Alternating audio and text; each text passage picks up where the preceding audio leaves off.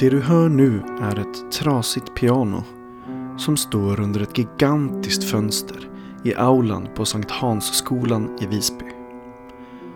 I botten av skolan ligger presscentret och det är där jag har suttit och klippt ihop ljudet till den här podden. Men det stora arbetsrummet där journalister sitter och ivrigt hamrar på tangenterna och fotografer och redaktörer noggrant går igenom nästa bild och text som ska ut är ett tyst arbetsrum. Igår behövde jag spela in lite mer ljud som jag hade glömt. Lite mer voiceover. Inte helt olikt den du hör nu, fast för förra avsnittet. Jag vill inte gå så långt från det tysta arbetsrummet så jag smet upp för den stora stentrappan som leder upp till nästa våning. På våning två var dörrarna låsta så jag fortsatte upp. Min lite för stora bandspelare i fickan och mikrofonen i handen. Tre och ett halvt plan upp är så långt jag kommer. Där står dörrarna till aulan öppna, så jag går in. Det första du ser är inte själva aulan, utan Östersjön genom tre stora valvformade fönster. Sen märker du salen med en gammal talarstol i trä på en liten scen. Ett pingisbord i hörnet och det klassiska, lite äldre, trasiga skolpianot som står under fönstret längst till vänster. Flera tangenter är trasiga eller saknas. Jag spelar lite piano eh, och behövde en paus från Almedalstempot. Jag vet inte om jag egentligen fick vara i aulan, men jag behövde spela av mig och sitta ner ett tag. Det spelar ingen roll om det inte låter helt perfekt.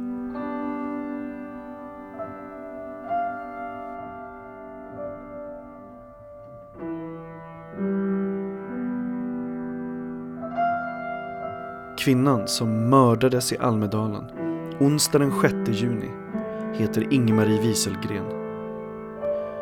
Hon var nationell samordnare för psykiatrifrågor på Sveriges kommuner och regioner. Hon var också en aktiv samhällsröst och en unik expert inom sitt område. Hon medverkade i nästan 90 avsnitt av Sveriges Radios Tankar för dagen. Inspelningar som både berör och omfamnar dig som lyssnar. När den här podden spelas in har en man i 30-årsåldern häktats, skäligen misstänkt för mord. Mannen har kopplingar till högerextrema rörelser, deltagit på nazistdemonstrationer och uttryckt sympatier för både Nordiska motståndsrörelsen och nynazisterna i Alternativ för Sverige. Han är en nazist. Ingmarie Wieselgren är djupt saknad och kommer aldrig att glömmas. Nu blir det lite annorlunda för dig som lyssnare. I det här avsnittet kommer jag att berätta om flera olika saker.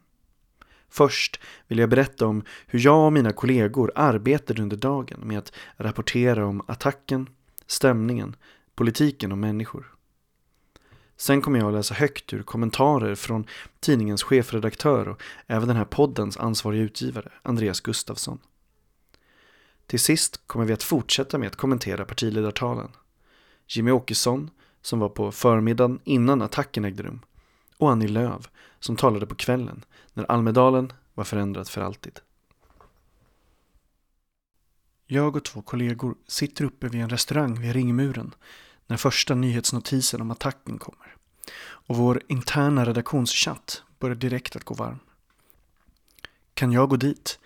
Vet vi något mer? Jag reser mig och börjar småspringa nerför Kullerstensbackarna. Vi är ungefär fem minuter från Donners plats. Jag har kameran i ena handen och bandspelaren i den andra. Stämningen är lugn men konstigt avvaktande. På spänn.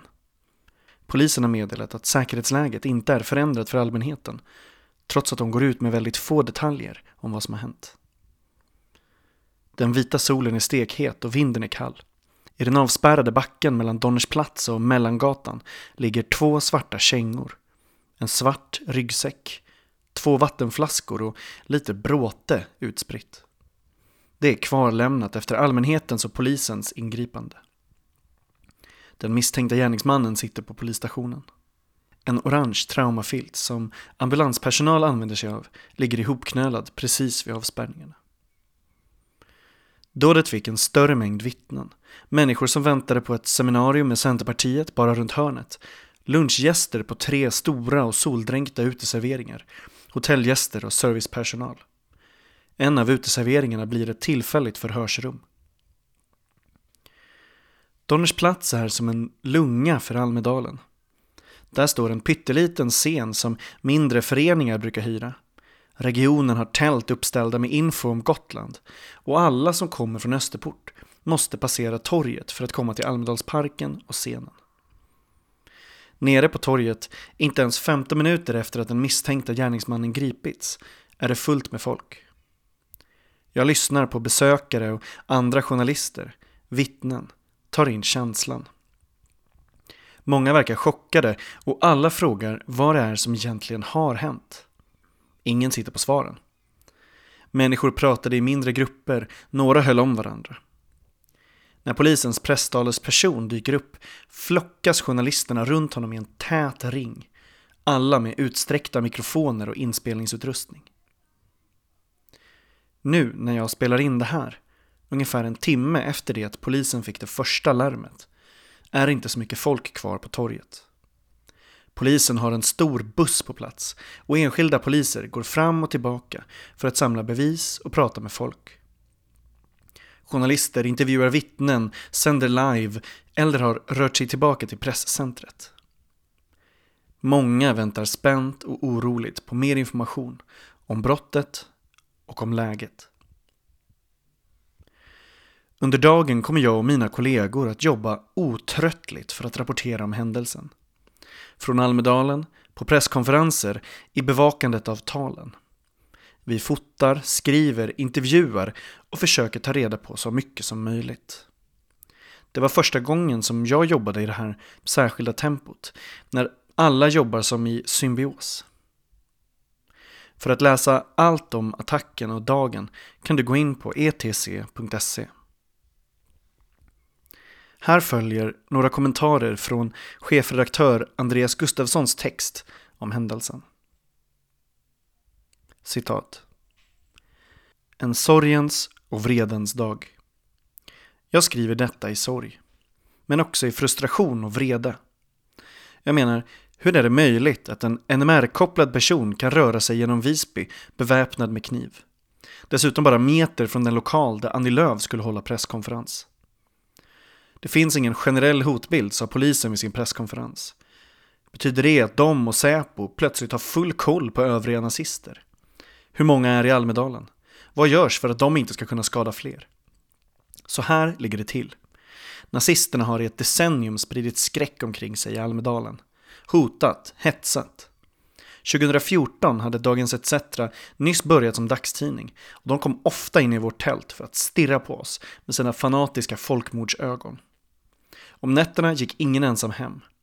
För vad skulle ett dussin stålhättor inte göra om de träffade en vänsterorienterad journalist? Några år senare, 2017, fick jag från en säker källa veta att det inte skulle vara säkert för mig i Almedalen. Det handlade om en publicering som Dagens ETC haft, så jag åkte aldrig. Men beslutet byggde också på att jag inte längre ville legitimera den där komplett galna villfarelsen att ett öppet och inkluderande samtal på något sätt kan samexistera med att nazister klapprar över kullstenarna. Det hade skavt i mig. Jag såg hur antirasister, hbtq-personer och profilerade feminister fruktade för sina liv. Alla måltavlor. För dem blev Almedalen inte alls ett firande av demokrati. De, jag, såg den istället begränsas, krympas, kvävas. Medan vissa bara fortsätter som vanligt. Noll solidaritet. Floskler om att dialog är det vackraste vi har. Det är ett alldeles särskilt privilegium. Att kunna unna sig att bortse från nazister. När jag skriver det här dansar en del av Almedalen för fullt i spektaklet som kallas DJ Battle och betyder att lobbyister, politiker och mediefolk nätverkar. Vilket betyder att de blir plakata tillsammans. Som om ingenting har hänt. Som om en kvinna inte nyss blivit mördad. Som om den misstänkte inte var organiserad nazist. Det är förbannat osmakligt. Ja, äckligt.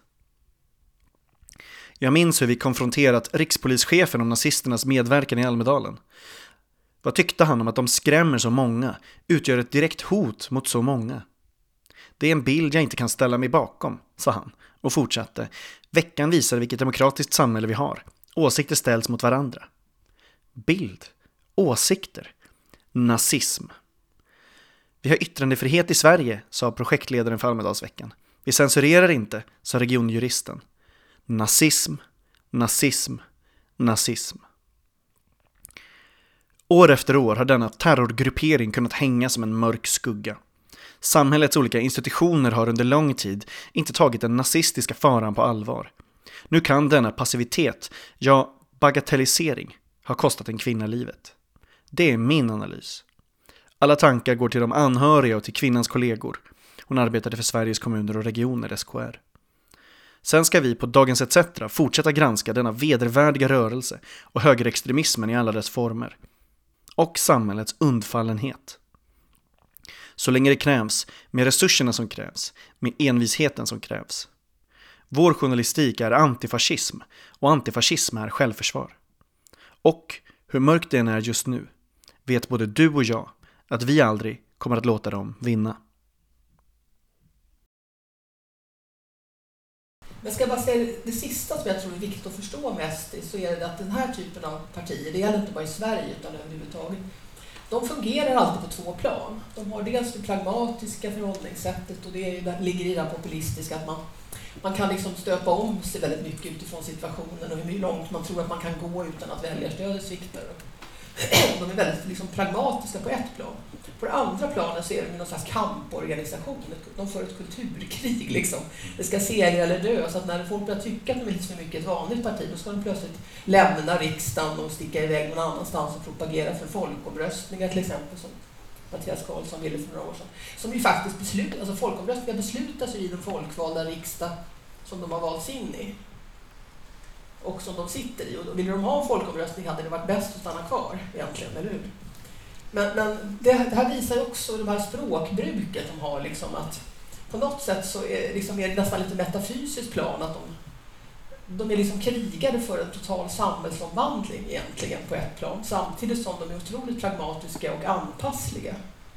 Och jag tänker lite grann att som helst inte KD och M och sådär, alltså de måste, jag tror man verkligen måste förstå att det här, på det sättet är inte det här ett som alla andra. Och jag tror ska man ta in dem och börja umgås med dem lite närmare, då måste man förstå att det här finns en risk i det här. Att deras syn på demokrati och mänskliga rättigheter och sånt, det är något som inte bara kan vara ord och enstaka frågor, utan det är en väldigt grundmurad föreställning som avviker från hur andra partier tänker. Och det märks kanske inte alltid hur de lägger förslag i riksdagen så där, eller i motioner och sånt. Men det märks väldigt tydligt när de gör uttalanden i olika sammanhang. Och förmodligen ännu mer om man är med i partiet och sitter på möten och sånt, så når man säkert mer av det här.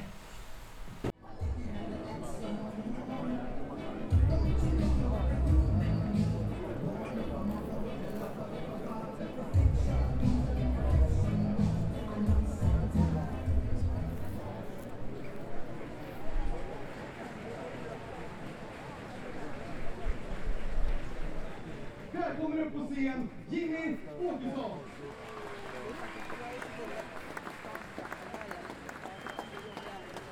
Sverige kan bli bra igen. Sverige ska bli bra igen. Ge oss en chans så byter vi ut den här regeringen så att Sverige kan bli bra igen och så att sagan, mina vänner, kan få ett lyckligt slut. Tack så hemskt mycket för att ni lyssnade.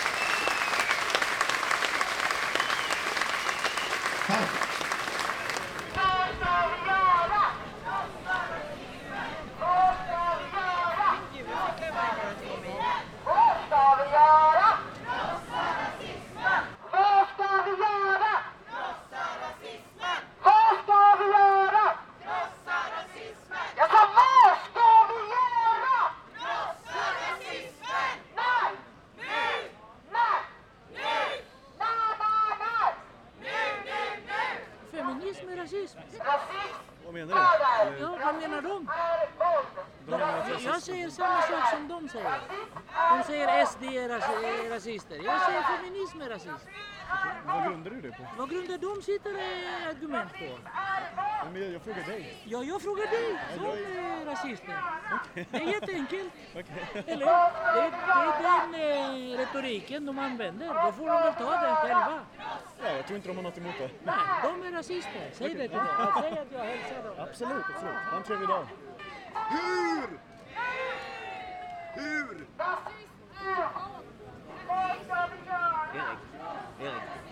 Hur då? Men eh, vad, vad tyckte ni om talet?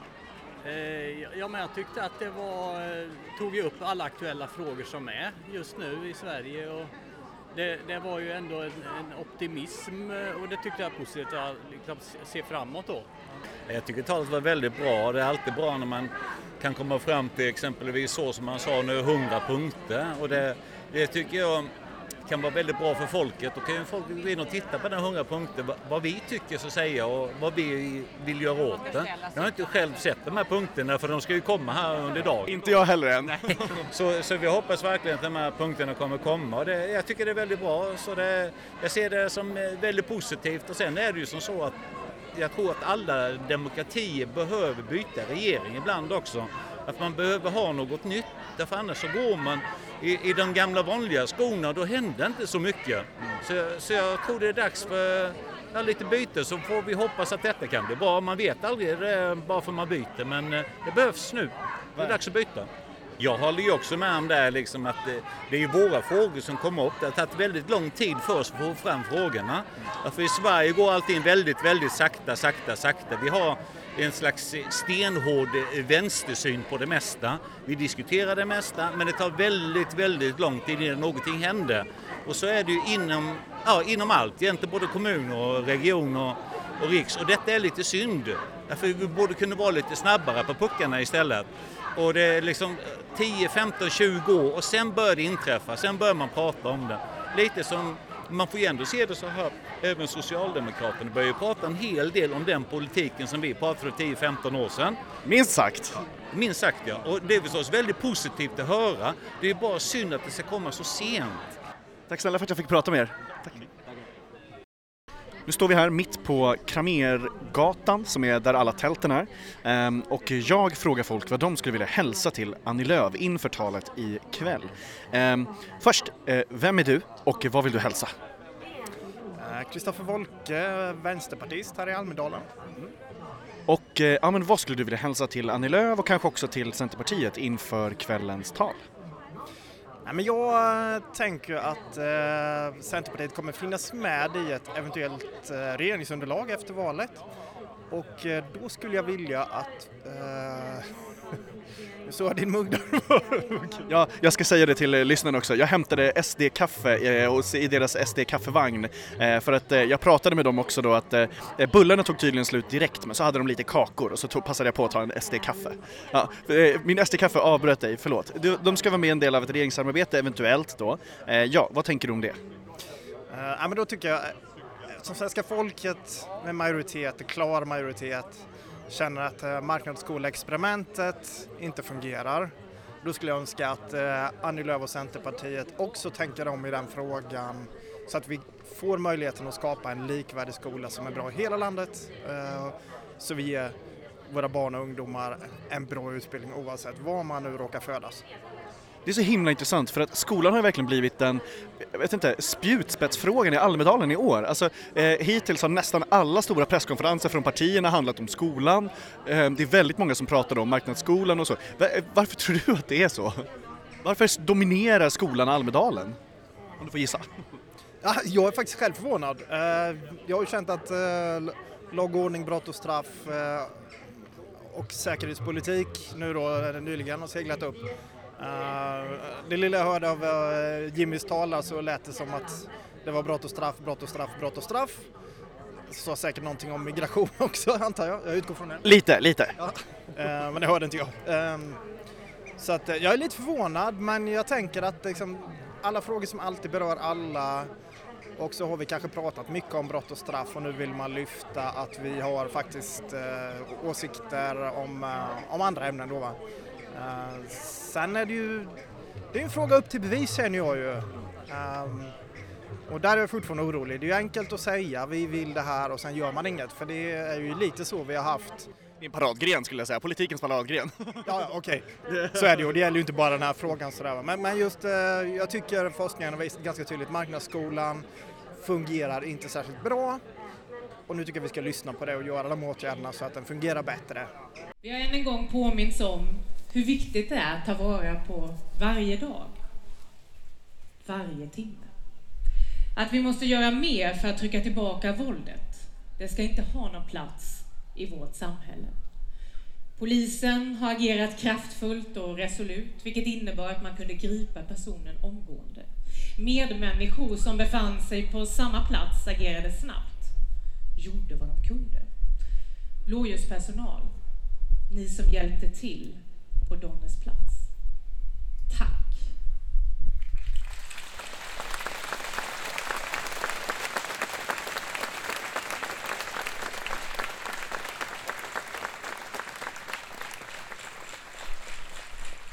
FNs siffror visar att det dör minst två barn om dagen i Ukraina.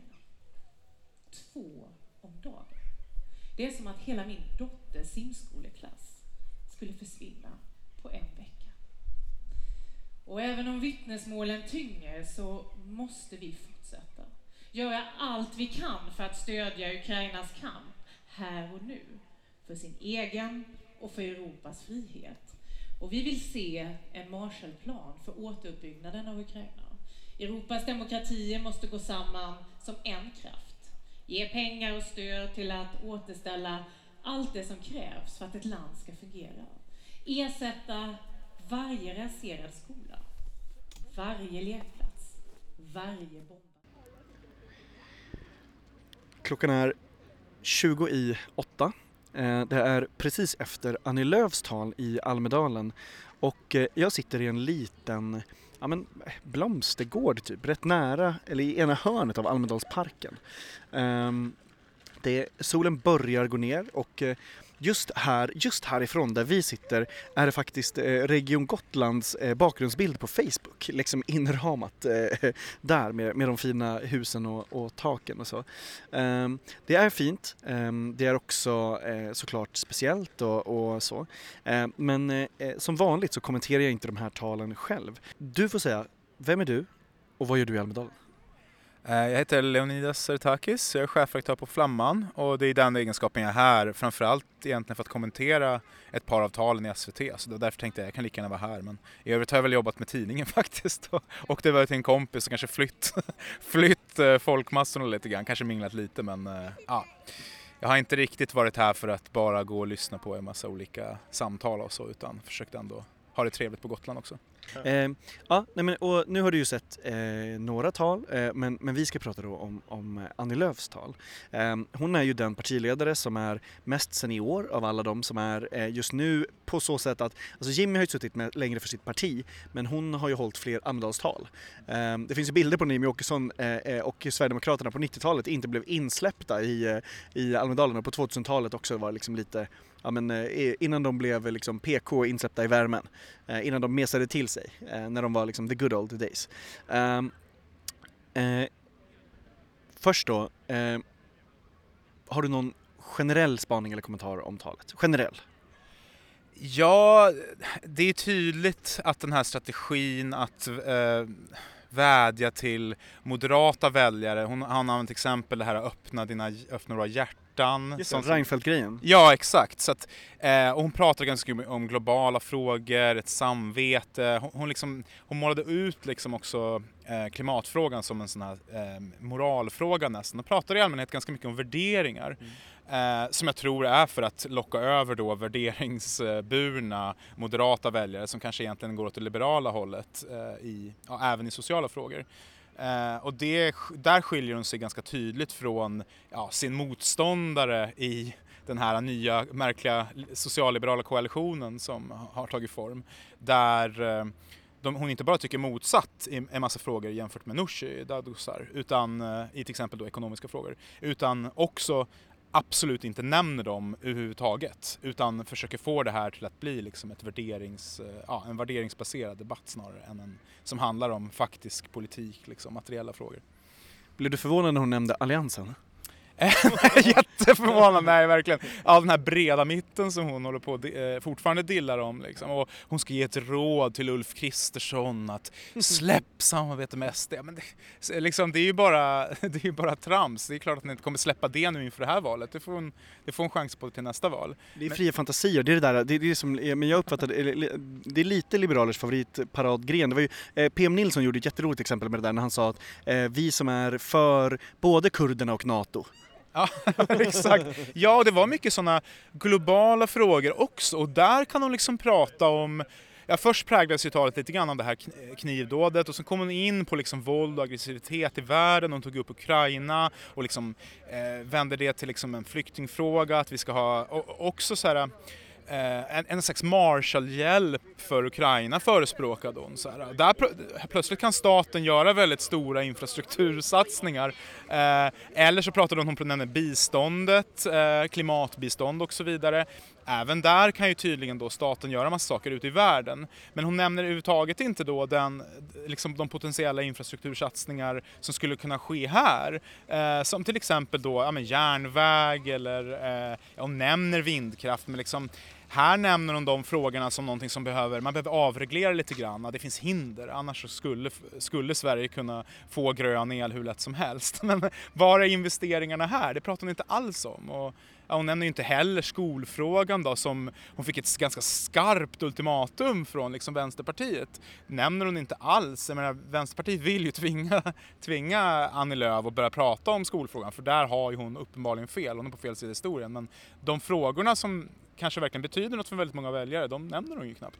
Det där är så intressant för att nu har jag sagt hittills i varje avsnitt att eh, eh, jag blev lite överraskad att den frågan som totalt dominerar Almedalen är ju skolfrågan. Mm. Eh, alla partiernas hittills då egna presskonferenser förutom Sverigedemokraterna så har på något sätt handlat om skolan. Eh, och här är lite också intressant för att CUF, Centerpartiets ungdomsförbund, håller ju på att byta fot i den här frågan. De är numera då mer emot det, det fria, liksom, eller friskolorna och hur det ser ut eh, än vad moderpartiet är. Eh, kommer Annie Lööf vara liksom sist i landet med att förespråka exakt samma sak som Friskolornas riksförbund? Mm. Nej men precis, och, och, och, alla, har ju, alla har ju vänt. Borgerliga väljare tycker så här, mm. Annie Lööfs väljare tycker definitivt så här. Eh, alltså att, eh, att friskolorna måste eh, regleras på något sätt. Jag, jag diskuterade det här, eh, jag diskuterade med Anna Dahlberg då, Expressens politiska redaktör. Eh, då pratade vi om Nooshis tal. Och även hon har ju skrivit jättebra om skolan, alltså massa borgerliga opinionsbilder. Alla tycker ju så här. Och det finns jättemånga, om man är liberal, jättemånga liberala skäl att vara för en, ja, men en statligt styrd skola skola som ger alla samma chans i livet. Sen kan man prata om inkomstspridning senare i livet, men alla ska ha samma chans. Det är ju en liberal hållning. Eh, att skolan ska, liksom bilda, ska skapa bildat medborgarskap som ska styra sig själv. Det är en liberal hållning, herregud. Eh, men, men ändå, det är ju de här partierna då, L och C, vars väljare ty också tycker så här. Partierna, de är ju så jävla köpta av, av de här eh, koncernerna så att de och de kan inte ens försvara sig. Hon säger inte, hon nämner bara inte nej, skolan. Det, nej, det, det, plötsligt så finns den bara inte och plötsligt finns inte de problemen liksom. Det, ja, det, och lobbiralerna visste man ju liksom med, med, med det. Men, sa du lobby, eh, Ja, jag sa lobbiralerna, exakt. eh, det, det, det, det, är en bra, det är bra, bra fras. ja. Men eh, eh, det, är, det är intressant att hon inte nämnde skolan. Men eh, hon nämnde lite andra grejer då. Liksom. Vad, fanns det någonting som var överraskande av det som hon nämnde tycker du? Fanns det någonting som du ändå så här, vad hon tog upp som du kanske inte trodde att hon skulle eh, gå på eller så? Ja men det är väl de här sättet kanske hon tar sig an eh, klimatfrågan som jag vet inte om jag ska säga att det överraskar eller inte, men det är, återigen försöker hon bara lyfta bort det från vad vi kan göra här i Sverige till liksom att börja prata om Kina. För det första, Kina har lägre per capita-utsläpp än USA, eh, Kanada, Australien, de har det dubbla. Så att det är ganska löjligt att hon börjar prata om Kina liksom, istället för att nämna de största utsläpparna i världen som just är kanske då hennes favoritländer. Um, men också att hon ska prata om, som om hon skulle kunna influera, Annie Lööf har väl inget inflytande på kinesisk politik? Äh, det, är, det kanske finns någonting gömt här. Ja, det kanske finns en, alltså de kanske är en jättemäktig liksom, eh, spjutspets rakt in i, i liksom det röda imperiets hjärta. Alltså. Ja, så att det är så här, hon pratade ganska länge om klimatet men hon tog upp det som en sån här global fråga där liksom med tullar i EU och vi ska ta bort hinder för liksom så här, hur företag ska, hand, eller liksom, ska kunna handla med utsläppsrätter och så vidare. Så här, ah, ja, okej. Eh, visst, det kanske, kan, det kanske kan vara en liten del i det hela, men vad ska vi göra här i Sverige? Hur ska vi göra den här omställningen till då grön, grön energi? Liksom så här, hon pratar, då pratar hon återigen om, så här, snarare än konkreta förslag, då pratar hon om att man ska sluta käbbla och man ska ta ansvar och så vidare. Så, ja, ja, Eh, visst, eh, men hur ska, hur ska det åstadkommas? Hur ska vi, alla egentligen i den här partiledarförfrågningen senast, eh, eller den här partiledardebatten senast, eh, räckte upp handen när, när, när de frågade så här, vilka är för ut, utbyggd vindkraft. Det borde ju gå att åstadkomma liksom, men ja, hur ska det ske? Då räcker det inte med att prata om så här, att ha ansvar och så vidare, man vill ha de här skarpa förslagen snarare. Ja. Men det, det, handlar ju om att om du bara vill det tillräckligt, då kommer det materialiseras. Alltså Ja. det, det är det här, eh, det, det är ett fenomen i liksom, eh, amerikansk vänsterkultur nu det här med, eh, vad heter det, det heter eh, jag menar i sociala mediekultur, manifesting, manifesting. Det. Att det, där, att det kommer manifesteras eh, när du helt enkelt bara tänker på det tillräckligt mycket. Ja, exakt. Ja, men ta ställning. Och det är Ja. det hon gör hela tiden. Så här, vi, ska, vi ska inte vi ska ta ställning mot auktoritära krafter. Hon nämnde Ungern, hon nämnde Ryssland och allt möjligt sådär. Jo, jo, vi kan, vi kan ta ställning. Liksom, hur, ska vi, hur ska vi förändra samhället? Vilka, vilka resurser ska du skjuta till som politiker? Du har ju ansvar för budgeten. liksom, Vad ska du göra med den?